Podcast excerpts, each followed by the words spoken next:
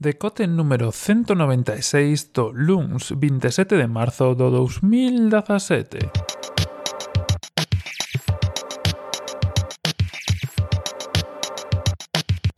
Bos días e benvidos a este novo e tardío decote.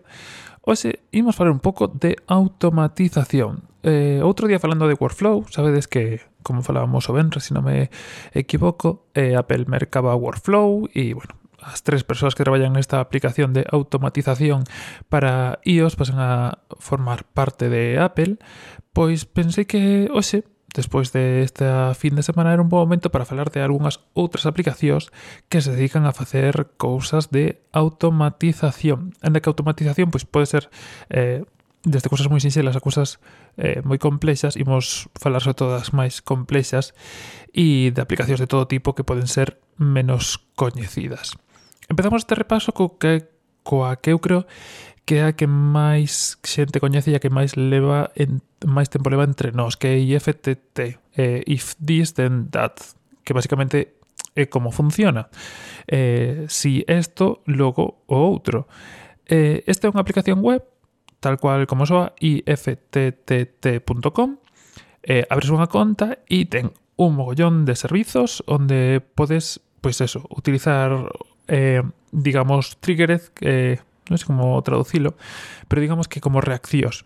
Entonces, no momento en que pasa unha das cousas, pois podes facer o resto. Eh, según vas a a página principal eh, xa ten moitas receitas, como todas as, as destas, que, para ver un pouco. Eh, para min esta ferramenta utiliceina durante un tempo e eh, das máis sinxelas porque é moi visual, moi clara, moi concisa.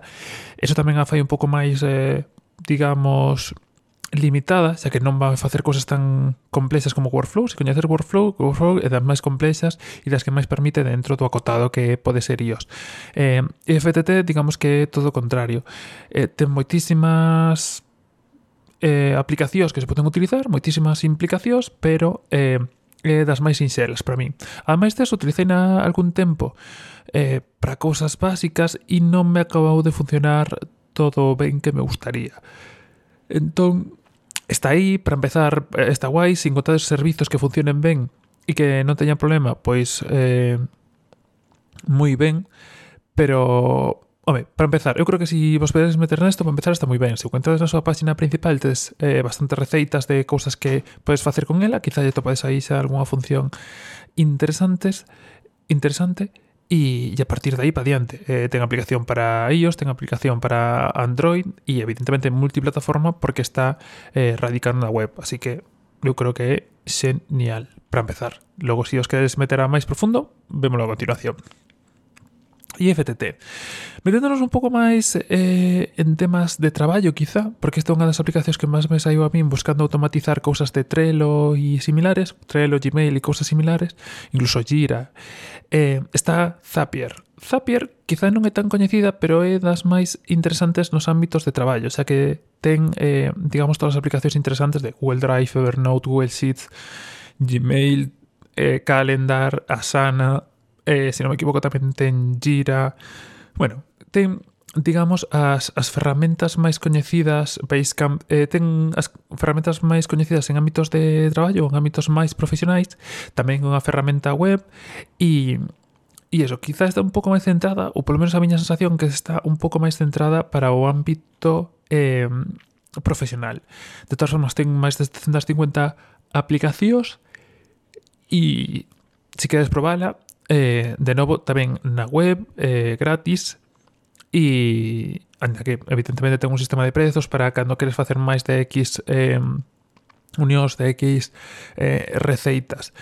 Non é tan sinxela, eh, un pouco máis complexa que anterior, porque para min IFTT pois, é eh, definitivamente a máis sinxela de todas, pero ten mogollón de aplicacións e de novo, eh, esta sí que non a probei porque quizá profesionalmente non me deu para tanto, pero sí que sei que está entre as mellores eh, foi das primeiras que me atopei sempre que quixen automatizar algo e está bastante ben. Eh, si empezades, quizá non empezar por este, empe empezar por IFTT, pero eh, si vedes ou, ou pensades para algo máis profesional, pois sin duda Zapier eh, tamén é a opción. Pasando xa a algo máis de, de escritorio, a un ámbito máis... Eh, como decirlo, de sistema operativo, está Flow. Flow é unha ferramenta de Windows eh, para crear fluxos de traballo. Aquí xa nos metemos en un tema máis de... máis, eh, como decirlo, complexo. Eh, Flow é de Windows, eh, deixo vos, como sempre, todas as direccións está incluída eh, abaixo no descripción deste podcast que vos leva directamente á web onde tedes todos os enlaces e este enlace eh, está propiamente na página de Windows ali tedes bastante información eh, quizá das que menos conexións ten porque ten 112 servizos asociados. O que pasa que claro, é de Windows e entón si tedes Windows ou traballadas con Windows Phone ou temas similares, ainda que é raro, pois pode ser que este aí eh, seguramente seas que mellor funcione e mellor vos permita automatizalo todo.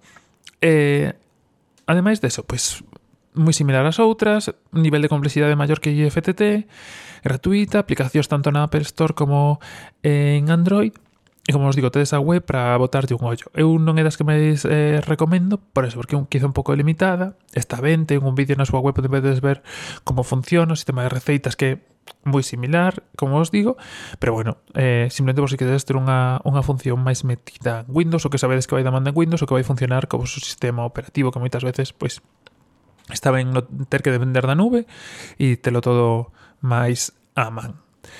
Logo, o mesmo, pero digamos que en Mac temos dúas opcións. Unha que quizá non coñeces moitos, pero Mac ten un sistema no sistema, valga a redundancia, ten un sistema no propio no propio OS que é automa Automator. Automator é unha ferramenta que vos permite automatizar procesos tan do sistema.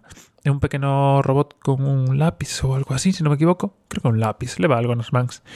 Eh, e algo que vos permite eh, como os digo, automatizar procesos. Non é moi sinxelo utilizar, algunha vez eh, intentei meterme nese mundo, nese sí, nese mundo e facer algunhas cousas con, con el, pero non é máis sinxelo.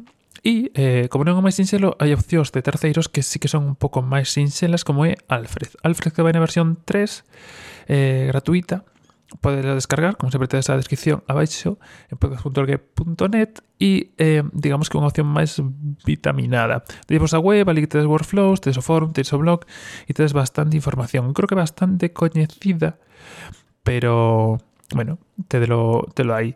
O sistema de fluxos funciona un pouco como unha árbore, tedelo todo na, na web para, para ver como funciona. E evidentemente a ventaxa que teñen estos respectos web é que vos permiten tanto de Windows como Alfred como Automator é que vos permiten eh, facer as cousas primeiro sin necesidade de conexión a internet e segundo para por exemplo, moita xente utiliza este tipo de ferramentas para eh, renomear carpetas, mover arquivos, cosas similares. Eh, cosas como cando descargas algo, normalmente pois, pues, queda aí na carpeta de descargas e non o utilizas ou non moves. Pois eliminar os arquivos cada X tempo para non ter a carpeta de descargas chea de cousas que non necesitas ou eh, renomear arquivos dunha carpeta que sabes que se unha carpeta de vídeos por renomealo sempre co día e a data que os fixeches para que sempre queden así ou cosas similares.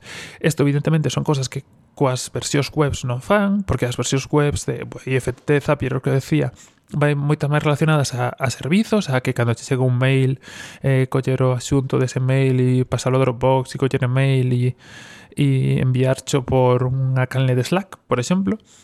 Eh, mentras que as cousas de sistema operativo pois sí que van moito máis á xestión do sistema operativo. Por iso Alfred, Automator eh, poden ser moito máis interesantes. Tamén son ser un pouco máis complexas porque hai que entender o, como funciona o sistema operativo en sentido de que función como renomea el, para tú non renomear igual para que non entre en un bucle, por exemplo. Pero bueno, pode, pode ser moi interesante eh, con máis paciencia, evidentemente, pois, o que falamos de workflow. Logo hai cousas que, que sí que automatizan ata certo punto, como pode ser text expander e similares, pero eu non as metería nesta mesma categoría, quizá como, como axudas ou similares. E pouco máis por ese. Eh, o recomendable con isto eh, son todas moi similares, cada unha no seu mundo, e como os digo, as web para unhas cousas e as de escritorio para outra, pero o máis recomendable, como sempre, que provedes, todas son todas se poden probar de forma gratuita, así que non tedes eh, ningún problema.